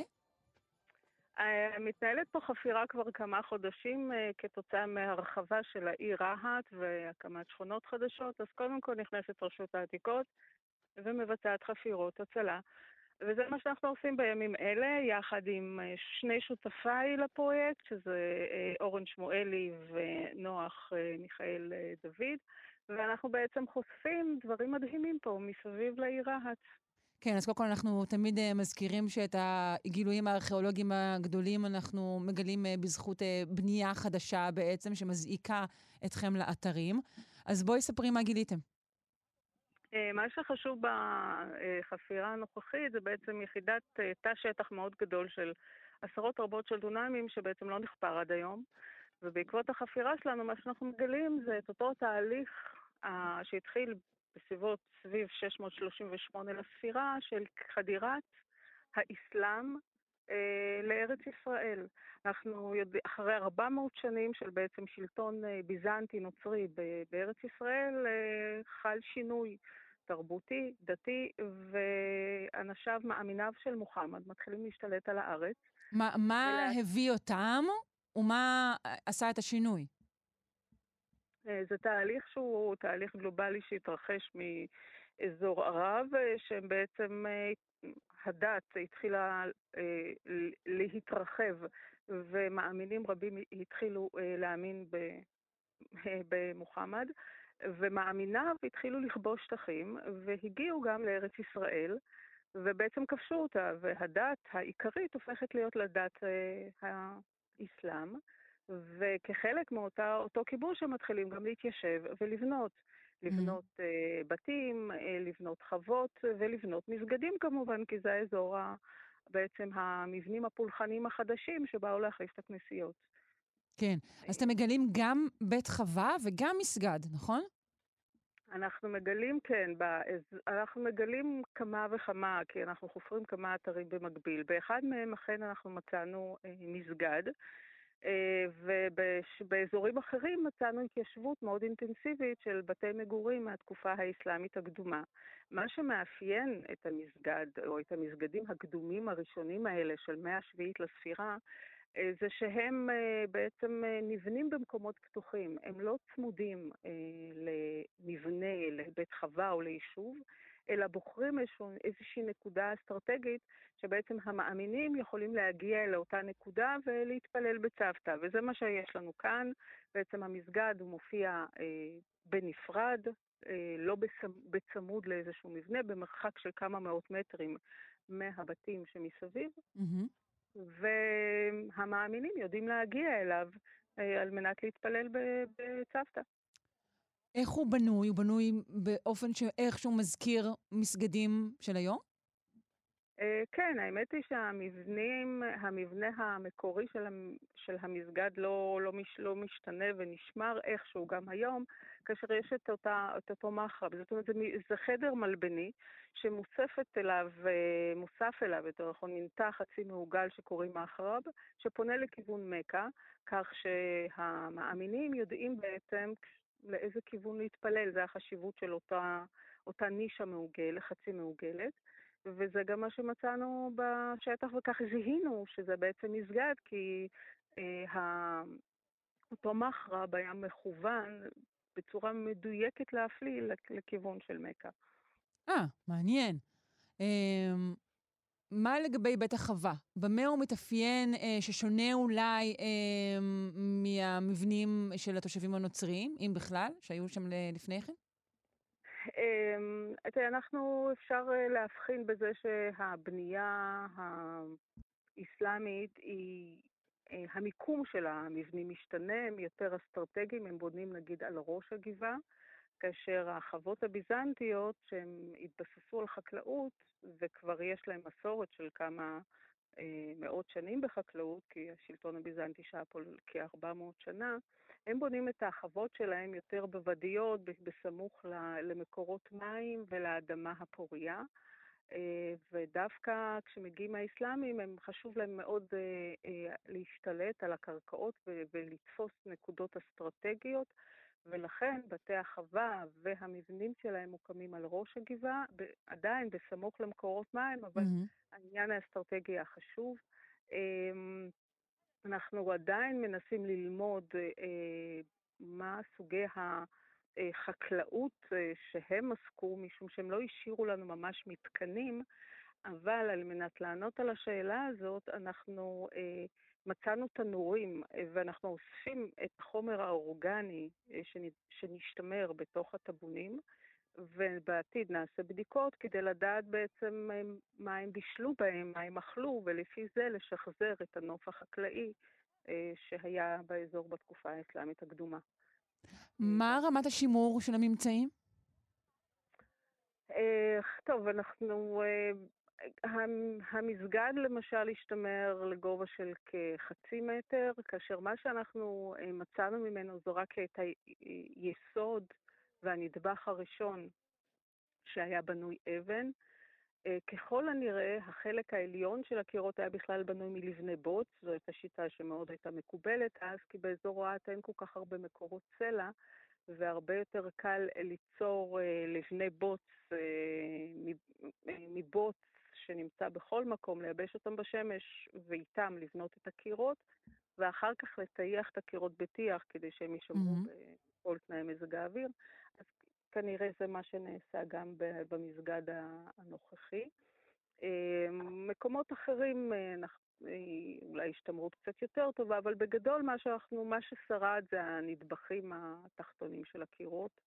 היתר אה, נשדד, כמו שאמרתי, אבן זה המצרך יקר, וכל מבנה שננטש הוא מיד מפורק בשביל לבנות דברים חדשים בזמן יותר מאוחר.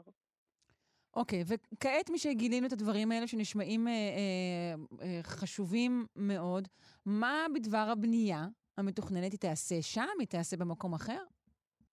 אה, מכיוון שרשות העתיקות כבר מתוך ניסיון אה, שאנחנו מוצאים הפתעות, כי אין לנו אה, צפי מה יימצא בתוך הקרקע, אנחנו נכנסים לתמונה בשלב מאוד מאוד ראשוני של התכנון, על מנת שאותם הגורמים שמתכננים את השכונות ואת הכבישים יהיו ערים לשינויים שיכולים לבוא כתוצאה מהתגליות, ו...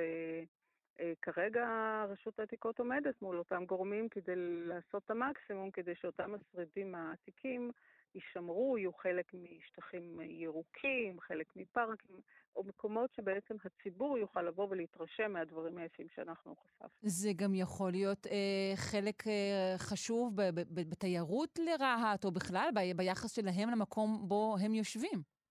בהחלט. אה, השילוב המרתק הזה של עיר בדואית ראשונה שנבנית עכשיו, וכשאנחנו יודעים שההיסטוריה של הבדואים זה שהם היו קודם נוודים, ואחר כך קיבלו על עצמם את האסלאם, ובאיזשהו שלב הם עברו תהליך של ישיבת קבע, הסיפור הזה מאוד מזכיר את המאמינים הראשונים של האסלאם 1200 שנה לפני ימינו, אה, שגם הם בעצם, חלק מהם היו נוודים, ואז לאט לאט התחילו להתיישב ולהקים ערים. וזו בדיוק תופעה יפה ש, שבאמת אנחנו מוצאים אותה כאן עכשיו, אז זה מין סוג של סגירת מעגל, שאני מקווה מאוד שייתן עכשיו זיקה אה, של, של התושבים המקומיים של רהט, זיקה הרבה יותר חזקה לסביבה שהם גרים בה. כן. יפה מאוד, תודה רבה לך. דוקטור אלנה קוגן זהבי, ארכיאולוגית מרשות העתיקות ואחת מנהלות החפירה באתר. להתראות, יום טוב. ביי ביי.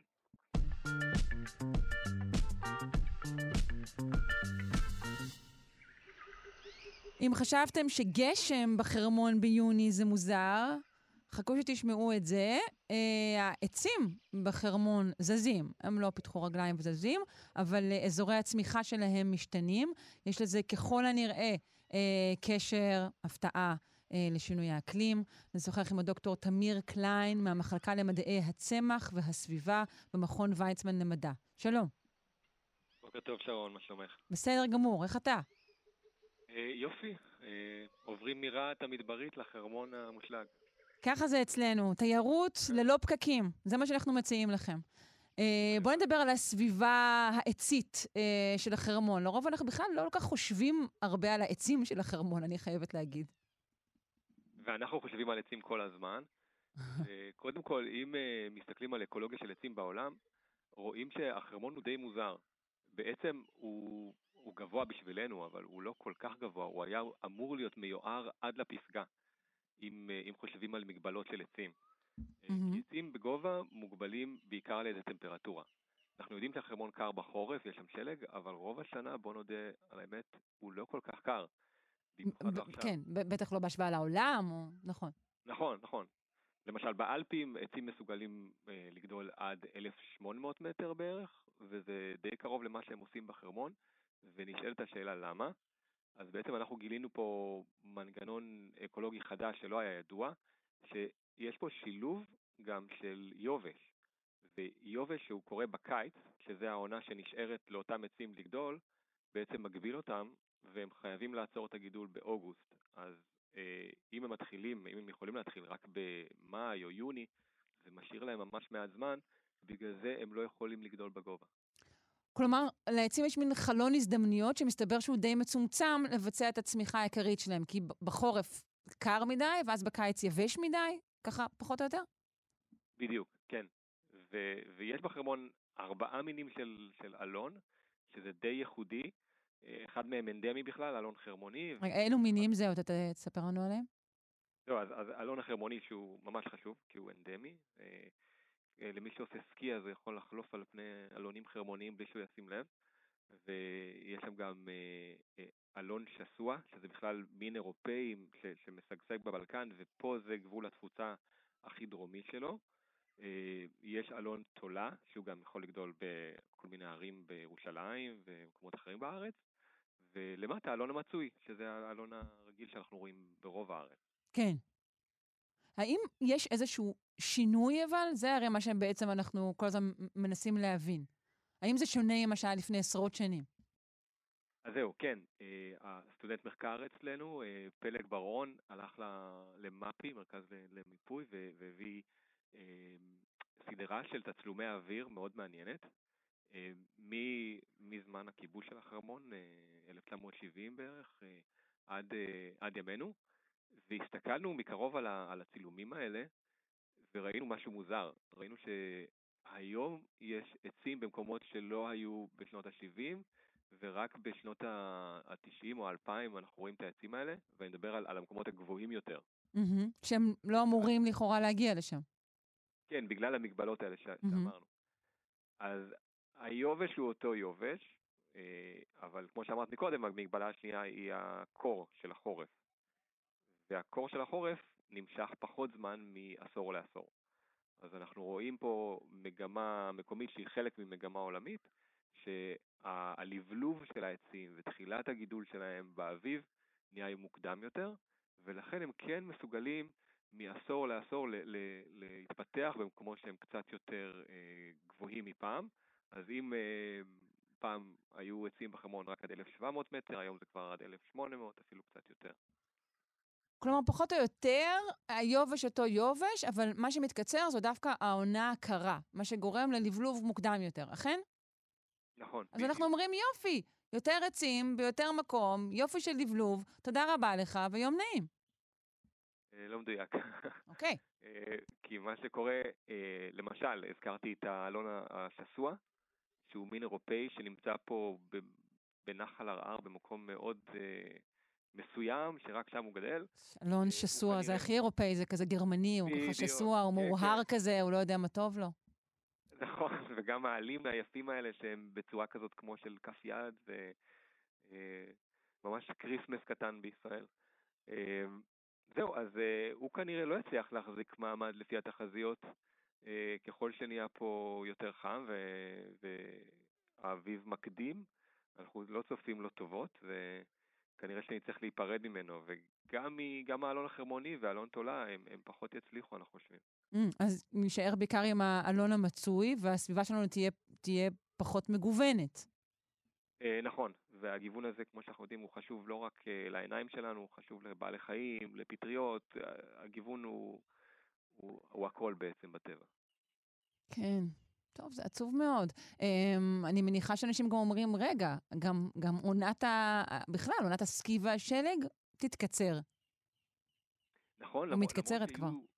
היא כבר התקצרה, ובטח הרואה חשבון של אתר החרמון יודע את זה, אבל מצד שני יש תנודות מאוד חריפות לשני הכיוונים. בחורף האחרון ראינו את זה דווקא. אנחנו בעצמנו, עם צוות המחקר, היינו שם באפריל, ואספנו דגימות בשלג די, די רציני. זאת אומרת, יש כל מיני אירועים שהם אירועי קיצון, מה שנקרא, ואנחנו רואים סופות שלג שקורות מאוחר בעונה לפעמים, מה שגורם לעוד סיכון אגב, וזה קורה הרבה באירופה וגם יכול לקרות אצלנו בחרמון, שהעלים מתחילים ללבלב, והעצים משקיעים את כל מאגרי הפחמן. כן, אומרים, יאללה, היי, הגיע האביב לכאורה, ואז בום. ואז בום, מגיע קור ושלג, ובעצם העלים מתים בגלל זה, קר להם מדי. ואז העץ צריך למצוא מאגרים נוספים, ולא תמיד זה עובד. אז עצים מתים מזה גם, ולצערנו השינויים האלה כרגע בטבע, בחרמון ובכלל, הם מהירים מדי בשביל צמחים להתפתח, במיוחד עצים שלוקח להם שנים לגדול וכל דור שלהם זה הרבה זמן. Mm, כן, יכול להיות שעוד כמה שנים נחווה בכלל משהו שנקרא לו תסמונת האביב הכפול, שיהיה איזה מין אביב מוקדם, ואז מכת קור, ואז עוד אביב. אה, יש, יש עוד מינים אה, שאנחנו חוששים להם בגלל שינויי אקלים אה, בארץ כרגע? של עצים, אני מניחה שיש רבים, אבל אולי תוכל לספר לנו על אחד או שניים. כן, כן, בטח. אה, בעצם המינים שיהיו הכי רגישים פה זה, זה באמת מינים שהם הגיעו אלינו מהצפון, אה, ויש לא מעט כאלה. גם בחרמון, יש, יש בחרמון אה, למשל אה, מינים מיוחדים של שזיף ואגס, מהמשפחה של mm, הפירות שאוהבים קור, נכון. כן, כן, נכון, ונהיה פחות קר שם, ויש מי שאוהב בנחל כזיב, יש למשל דולבים מאוד יפים וגבוהים. המינים האלה יהיה להם קשה. מצד שני, מי שמרוויח זה המינים שמגיעים אלינו דווקא מאפריקה. אנחנו צופים לשיטים ולשזף למשל ולאשלים, כל אותם מינים של די מדבריים, להתחיל לשגשג ולייצר פה סוואנות במקום יערות. שזה שינוי מעניין, אבל... כן, בהחלט שינוי מעניין. אני כמובן מדמיינת עדרים של ביזונים שישעטו כאן באזור מישור החוף. גרפות אולי. יכול להיות. טוב, תודה רבה לך, דוקטור תמיר קליין, המחלקה למדעי הצמח והסביבה, המכון ויצמן למדע. נשמח לשוחח איתך שוב על צמחים נוספים ועל מה שקורה להם. תודה. תודה, שרון. ביי.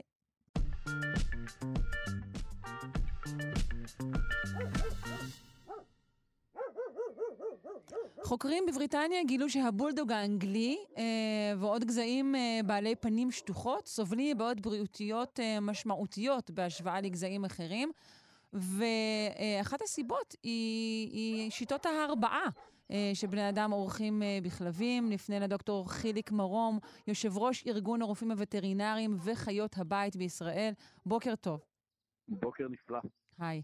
אז אה, קודם כל, מה הם באמת אה, גזעי הכלבים שהווטרינרים הבריטים מבקשים להימנע מגידולם או מרכישתם?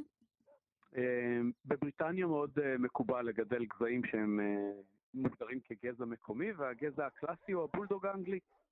הבולדוג האנגלי פותח על ידי האנגלים בשביל לשמח אותם, לשעשע אותם. מה, יש, יש איזושהי סיבה שדווקא הוא... הכלב האנגלי? כן, mm-hmm. כן, מדובר בעצם בכלב uh, שבבסיסו הוא כלב מגזע גדול מאוד, גזע ענק, שהפכו אותו להיות דחוס. קטן ממדים, פחוס. מתאים יותר לאינדור? חד משמעית, זה כלב קומפניון קלאסי שמלווה את בעליו, הם חכמים מאוד, הם חמודים מאוד, הם יצירתיים מאוד. אה, הם מסתובבים בתוך גוף שהוא גוף אה, ענק, אבל עם גפיים קצרות מדי מלהכיל אותו. אוי. יש להם אה, מבנה גולגולת, שהוא מבנה גולגולת מקסים ומצחיק. בתור uh, בני אדם, ילדים קטנים נורא אוהבים בובות עם עיניים גדולות. תסתכלי על כל דמויות הדיסני שיש. נכון. אני, אני, יש מה שנקרא בובות עיניים גדולות, אני לא צריכה להרחיק לכת, זה, נכון זה ז'אנר מאוד, גדול עיני, של בובות מאוד פופולריים. בדיוק, עיני תם מדהימות, וזה מזכיר לנו את הפרופורציות שלנו כתינוקות, כי לתינוקות יש ראש שהוא גדול יותר באחוזים משאר הגוף, וזה משהו שהוא מקסים ופחות מאיים וחמוד, אה, פאפלים כאלה, כמו הגרמלינים. אז זה חלק מהפופולריות של הבולדוג. כלומר, הקריאה נכון. הזו של הווטרינרים היא קריאה שיש לה גם אולי אה, איזושהי התרסה תרבותית אפילו. אה, אני חושב שכן. אני חושב שהגענו למקום שאנחנו מספיק בשלים לבוא ולהגיד לאנשים שחלק מתרבות ההרבעות אה, מובילה לגזעים שהם מראש פוגעים, לפני שהכלב נולד, בזכות שלו לרווחת חיים רפואית תקינה. Hmm, אוקיי, זה שאלות נורא, זהו, זאת שאלה כל כך מורכבת, מהי רווחה רפואית אה, אה, תקינה. בוא, נתאר מהן הבעיות אה, שסובל מהן בולדוג וגזעים דומים. אם אני יודע שגור בולדוגים שנולד לעולם הולך להיוולד מראש עם בעיות נשימה, BOAS, קומפלקס דרכי נשימה עליונות, בגלל מבנה הגולגולת הפחוס שלו, אנחנו מחלקים את מבנה הגולגלות של כלבים לכלבים בעלי גולגולת נורמלית, כלבים בעלי גולגולת עם חותם ארוך מאוד, וכלבים בעלי אה, ראש פחוס, ברכי-צפלים, בעלי ראש אה, מקוצר. הכלבים האלה מראש, אה, המנח של הגלגל עין בתוך ארובת העין איננו תקין, אז הם סובלים אה, מהרבה מאוד בעיות עיניים, ובטראומות הם גם מאבדים את העיניים בקלות גדולה יותר. הם לא באמת נושמים מהאף, החך שלהם אה, ארוך מדי, ואז הוא עושה אה, סוג של הישענות על אה, פתח דרכי הנשימה. או במילים אחרות, מראש אני יודע שהכלב הזה כשהוא נולד, הולך להיות עם חסימה בדרכי הנשימה, אם זאת תהיה חמיש, אה, חסימה של 20% או 40%, זה כבר תלוי ספציפית בהורים שלו. Mm-hmm. אבל תחשבי שאת מביאה תינוק לעולם, שאת יודעת שבגלל שאת רוצה שהוא יהיה נורא חמוד ומצחיק, הוא לא באמת יוכל לנשום. האם זה לגיטימי? אני לא יודע להגיד לך. לא, זה לא לגיטימי, אבל אני, אני אייצג נגיד קולות אה, אה, שמרניים סתם ככה בשביל להרגיז. יגידו לך, אבל אם הכלב הזה הוא, הוא פופולרי כל כך, אז ייתכן שהם... שהם מינים אחרים פשוט ייקחו אותם פחות והם יהיו יותר מסכנים. למשל, ככה אנחנו מטפלים בהם טוב, כי זה מה שהאנגלים אוהבים. למשל, עוד טענה תוכל להיות, שיאללה, אם ככה אתה חושב, אז בוא בכלל נהנדס את, ה, את, ה, את הכלב המושלם, את זה שינשום נהדר. ו... אוקיי. אבל זה בדיוק מה שעשינו, את אומרת את זה וזה מדויק. אה. הכלב המושלם בסוף הוא זאב. כל כלבי הבית שאת מכירה היום חולקים מטען גנטי מספיק זהה לזאב שהם יכולים להתרבות איתו. אני יכול לקחת צ'יוואווה ולהרביע אותה מזרע של זאב. וזה יעבוד. ויהיה לי, ויהיה לי כלב מצוין שינשום מצוין? במקרה הזה יהיה לך כלב אה, שיהיה כל כך גדול שיסכן את האימא הצ'יוואווית, כי לא תצליח להמליט אותו. Mm, אוקיי, אז גם זה לא טוב. אבל בגדול, כל גזעי הכלבים שאנחנו מכירים היום, כל השלוש מאות ומשהו כלבים מהגזעים הרשומים, הם בעצם אה, תוצר שלנו, תוצר של הרצון של האדם. עכשיו, אני לא נגד, אני אומר שהאדם יצר גזעים מדהימים, חלק מכלבי העבודה וחלק מכלבי הקומפניון וחלק מכלבי השמירה או אה, כלבי צבא וכולי, הם מתוכננים מצוין לתפקידם והם לא סובלים מלקויות רפואיות. אבל כלבים כמו בולטי, כלבים כמו פאג סיני אה, וכלבים אחרים מראש מועדים ליותר מחלות וליותר פגמים, אה, אם זה תחלואת לב ואם זה תחלואה אחרת. והשאלה היא האם אנחנו כווטרינרים צריכים לבוא ולפחות להרים את הדגל. כן. ולהגיד שיכול להיות שזה לא ראוי. עד כמה בארץ גם כן כלבים כאלה, שנכנה אותם כרגע בינינו אה, כלבי אינסטגרם, הם אה, פופולריים? עד מאוד, יותר מכל גזע אחר. אוי ואבוי. נכון. ראיתם, ראיתם באמת איזושהי עלייה אה, בפופולריות שלהם בעידן צילום היתר? כן. זה התחיל איפשהו בשנות ה-70 וה-80, כשכלבים הפכו להיות מ-companion animal לסוג של אקססורי. אה, והאקססורי הזה פתאום קיבל אה, תיקים של גוצ'י וקולרים אה, של מעצבי ליפסן מורן ופחות מעצבי ספרוסקי וכולי, אה, בתרבות אה, שהתפתחה בעיקר במקומות שבהם אה, הילודה היא נמוכה יותר. לדוגמה, יפן. אז כשלנו נולד תינוק ואנחנו רוצים לקנות לו טרולי, עגלה, מקסימה, אז ביפן יש עשרות סוגים של טרולים לטיול עם הכלב, בשביל שהוא לא יתלכלך ברחוב, לדוגמה. Mm-hmm. ומשם זה הפך להיות טרנד שהציף את העולם. זאת אומרת, אביזרים כן, אבל אה, דאגה אולי, נקרא לזה, רווחתו הביולוגית, אה, זה פחות. אה, עד כמה הנושא הזה בכלל מוסדר בישראל? אהבתי מאוד את ההגדרה רווחה ביולוגית. רווחה ביולוגית. הם כן דואגים, כי אותם בעלים הם בעלים נהדרים. כן. הם דואגים לרווחה של הכלב עד מאוד, אבל מראש הרווחה הביולוגית או הפיזיולוגית לא קיימת. הגדרה יפה. Uh, עד כמה הנושא מוסדר בישראל, של, של הרבעת כלבים, מכירת כלבים? אז בישראל, כמו בישראל, אנחנו אה, קומבינטורים. לצערנו, אה, אם אנחנו הולכים לכלבים אה, בהגדרה מתועדים, שמתועדים על ידי ההתאחדות הישראלית לכלבנות, אז עושים screening גנטי אה, לצמצום רוב המחלות הגנטיות האפשריות אה, בכלבים האלה לפני שהם מורבעים. Mm-hmm. לטוב ולרע זה, זה סוג של אה, אמונה בשימור uh, גזעים, בשימור גנטי, לא נכנס כרגע לדעתי האישית. מצד שני, יש את מה שנקרא התעשייה. התעשייה היא אותן חוות um, שנמצאות גם בבתים, במושבים, בלולים, כן. בתנאים מזעזעים, שאנחנו... שם אין שום פיקוח ושום בקרה. כן, למרות שאני חושבת, אתה יודע, הרשויות יודעות על החוות האלו, זה לא שלא יודעים. יודעות כן, כן. מפקחות לא. בדיוק, ו... יודעות כן, מפקחות לא. זה נכון לגבי כל כך הרבה דברים. נכון, ישראל מדינה שמוציאה חוקים נהדרים, אבל לא אוכפת אותם. ואי האכיפה פה מייצרת אה, באמת אה, נזק גדול מאוד. טוב, אז איך, אה, אז נמליץ לאנשים אה, להימנע, נכון? מלרכוש אה, כלבים שגודלו בחוות גידול שכאלו? אפשר? זה אני יכולה לפחות, נכון? אם אתה לא רוצה להביע לך. אפשר וניתן. אוקיי. אפשר וניתן, גם ברמת הרווחה והערך המוסרי של נקבות וזכרים שחיים כל חייהם בכלובים, שחלקם לא יותר גדולים מכלובי הסוללה של התרנגולות, בשביל לייצר גורים חמודים ומקסימים שיהיו אקססורי לנו. לנו כחברה אנושית זה לא מוסרי לתת יד לעניין, גם אם הגור הזה עולה 2,000 שקלים פחות. באמת, כי הכנסת גור למשפחה זה הכנסת בן משפחה, זה לא קנייה של uh, עבד או צעצוע לבית. תודה רבה. קריאה חשובה. דוקטור חיליק מרום, יושב ראש ארגון הרופאים הווטרינריים וחיות הבית בישראל. יום טוב. תודה רבה לכם. שבוע טוב.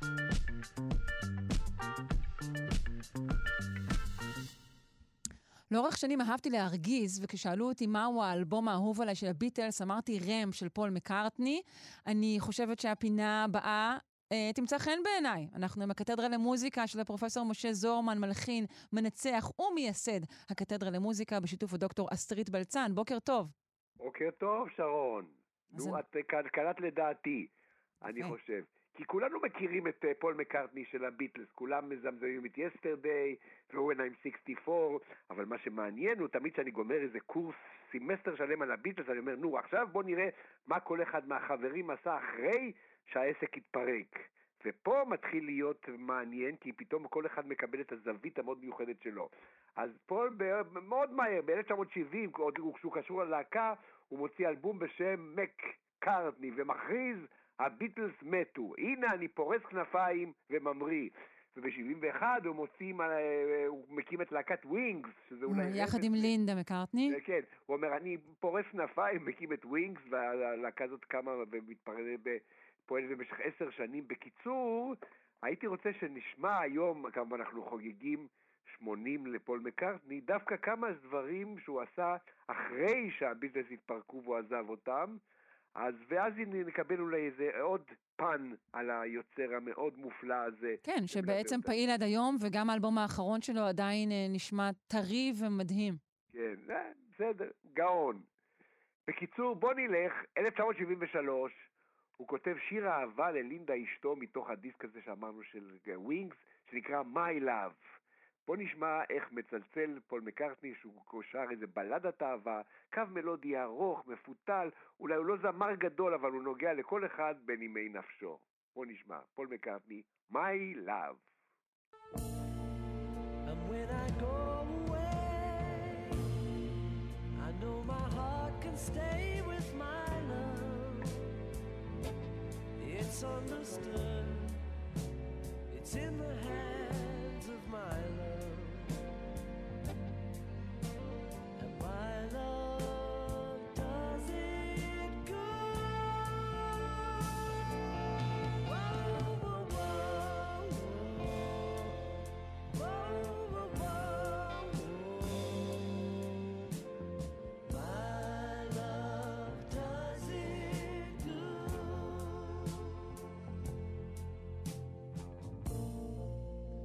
And the cupboard's bare, I'll still find something there with my love.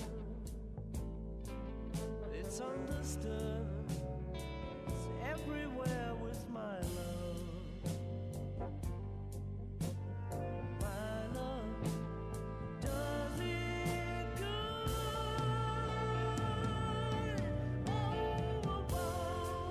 אז ציינת באמת אה, קו מלודי ארוך, קראת לזה, כן. נכון? אה, זה משהו שאולי, טוב, זה די טבעי, שהוא אולי גם קצת סורס אה, כשהוא היה בתוך הביטלס? כן, אתה צריך איכשהו אה, להיות דמוקרט ולתת לכל אחד שורה פה, שורה שמה. לא סורס, יש לנו מספיק שירים ש... אבל מה שמעניין... כן, כמו The Long and Winding Road למשל, שזה. בדיוק, אה, נכון, שזה היה השיר מזכיר את זה. האחרון שהוא עשה לפי דעתי ביחד איתם, וזה מה שגרם לפיצוץ הגדול, ככה מספרים לפחות. יאללה, מה אתה כותב? שר לנו שירים, בלדות כאלה, מתקתקות. זה אנחנו, להקת רוק, נעשה את הדבר הזה? בקיצור, לאט לאט העסק הלך והתפורר בגלל הכיוון הזה מאוד מיוחד של מקארטני, אבל הוא לא הספיק, הסתפק רק בזה. ב-73, אותה שנה של My Love, הוא כותב גם את נעימת הנושא של הסרט של ג'יימס בונד, Live and Let Die. שימו לב איך פתאום פול מקארטני יודע גם לכתוב נעימת נושא של סרט. השותף שלו פה, מיד אנחנו נבחין, הוא לא עשה את העיבוד האינסטרומנטלי הנפלא, הוא ג'ורג' מרטין, האיש שנקרא גם בעצם החיפושית החמישית, כשעזר לעצב את הסאונד של הלהקה. שלהם. אז זה, אז בוא נשמע Live and Let Die, 80 ו-73, נעימת נושא של סרט של ג'יימס בונד, גם כן פול מקארטני. Say, live and let die.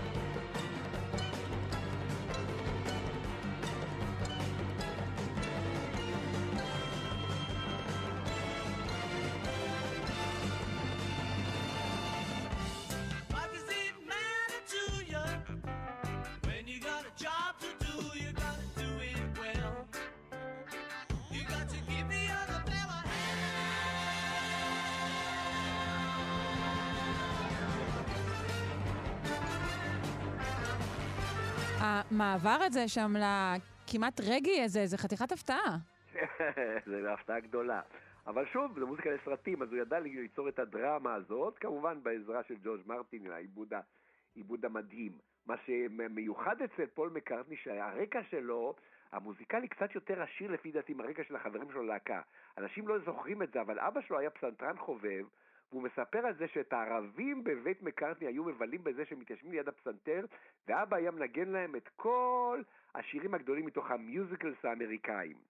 ואיכשהו זה חדר לנפשו, והמוזיקה האמריקאית המתוקה של שנות 40 וה-50, ואז לא מפתיע שכשהיה לו כבר את האמצעים, הוא קנה את כל הזכויות של רוג'רס והמרשטיין, אני מזכיר לכם צלילי המוזיקה, אוקלהומה, וכשהיום אתה משמיע ברחבי תבל את צלילי המוזיקה, הזכויות הן של פול מקארטני כמובן, היינו בדרום אפריקה, שמענו את זה פתאום, וכתוב ההפקה, ג'ורג' פול, מק, פול מקארטני. בקיצור, זו אהבה גדולה.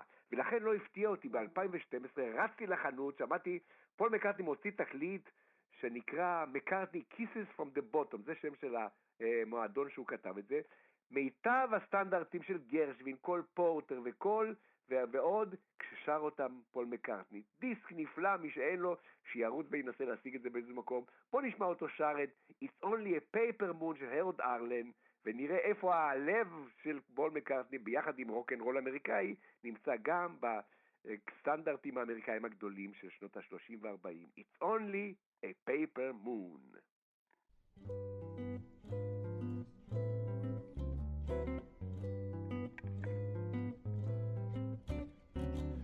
Say oh, it's only a paper moon sailing over a cardboard sea. But it wouldn't be make believe if you believed in me.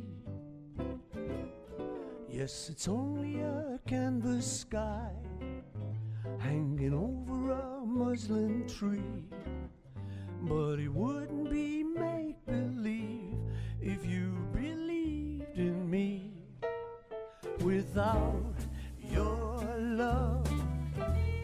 it's a honky tonk parade. Without your love, it's a melody played in a penny arcade. Well, it's a Bonham and Bailey world. זה דבר די אופייני לאומנים אה, מבוססים, או בגיל מסוים, שהם באמת אה, מוצאים איזה אלבום של, אה, אני יודעת שרוד סטיוארט עשה את זה לפני כמה שנים, אלבום של מחוות בעצם לדברים שהם גדלו עליהם, גם אם זה הרבה יותר אה, שמלצי מהמקובל בחומרים המקוריים. כן, אבל אתה שומע את הדיסק הזה ואתה מתמוגג מהדרך, זה, הוא הרי לא זמר גדול, בואו נגיד ככה, אבל כל טיפה של אפשרות לעדן ולעשות את זה מופלא, אז כל אחד מהשירים האלה באלבום הזה, כמו שאמרתי, הוא אה, חוויה בפני עצמה, לראות מה עושה פול מקארטני עם הסטנדרטים האמריקאים האלה. אבל כמו כל יוצר גדול, הוא כל הזמן מחפש שיתופי פעולה, לנסות להתעשר על ידי החברים שלו למקצוע, ואז שיתוף פעולה אחד מאוד כיפי היה ב-1982 הוא מוציא... מייקל ג'קסון. מייקל ג'קסון, במקרה יש לי פה סטיבי וונדר.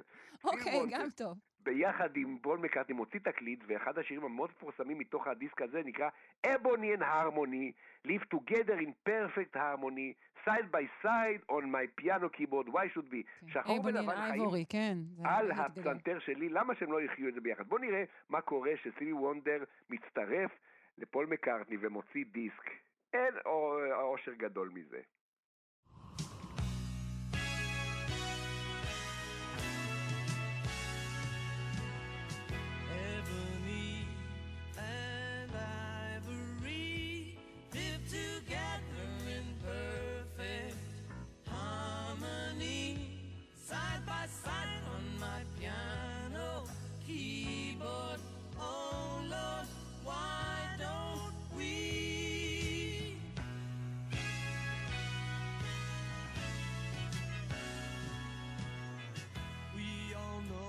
כולנו כאן אה, באולפן כמובן אה, מפזמים עם השיר הזה. אנחנו צריכים לסיים, יש לנו זמן לעוד קטעון קצר. קטן קטן, אז אני מחזיר אתכם, המאזינים הרי מאוד יכעסו עלינו אם לא נביא משהו בכל זאת של הביטלס עצמם, אבל גם הדבר הזה אומר לנו, יאללה, בוא נראה מה אני עושה עם הסווינג האמריקאי של שנות ה-30 וה-40, וכשהוא כותב את האני פאי...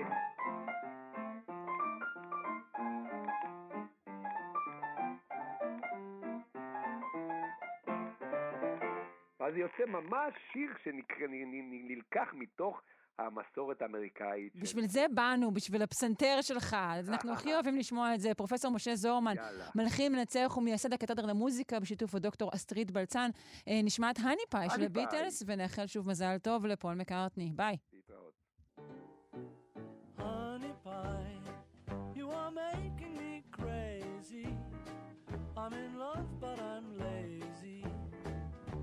Won't you please come home? Oh, honey pie, my position is tragic. Come and show me the magic of your Hollywood song.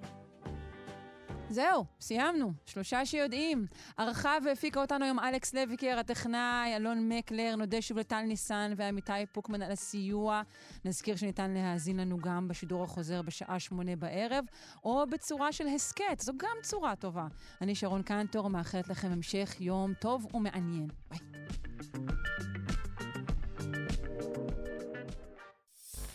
אתם מאזינים לכאן הסכתים, הפודקאסטים של תאגיד השידור הישראלי.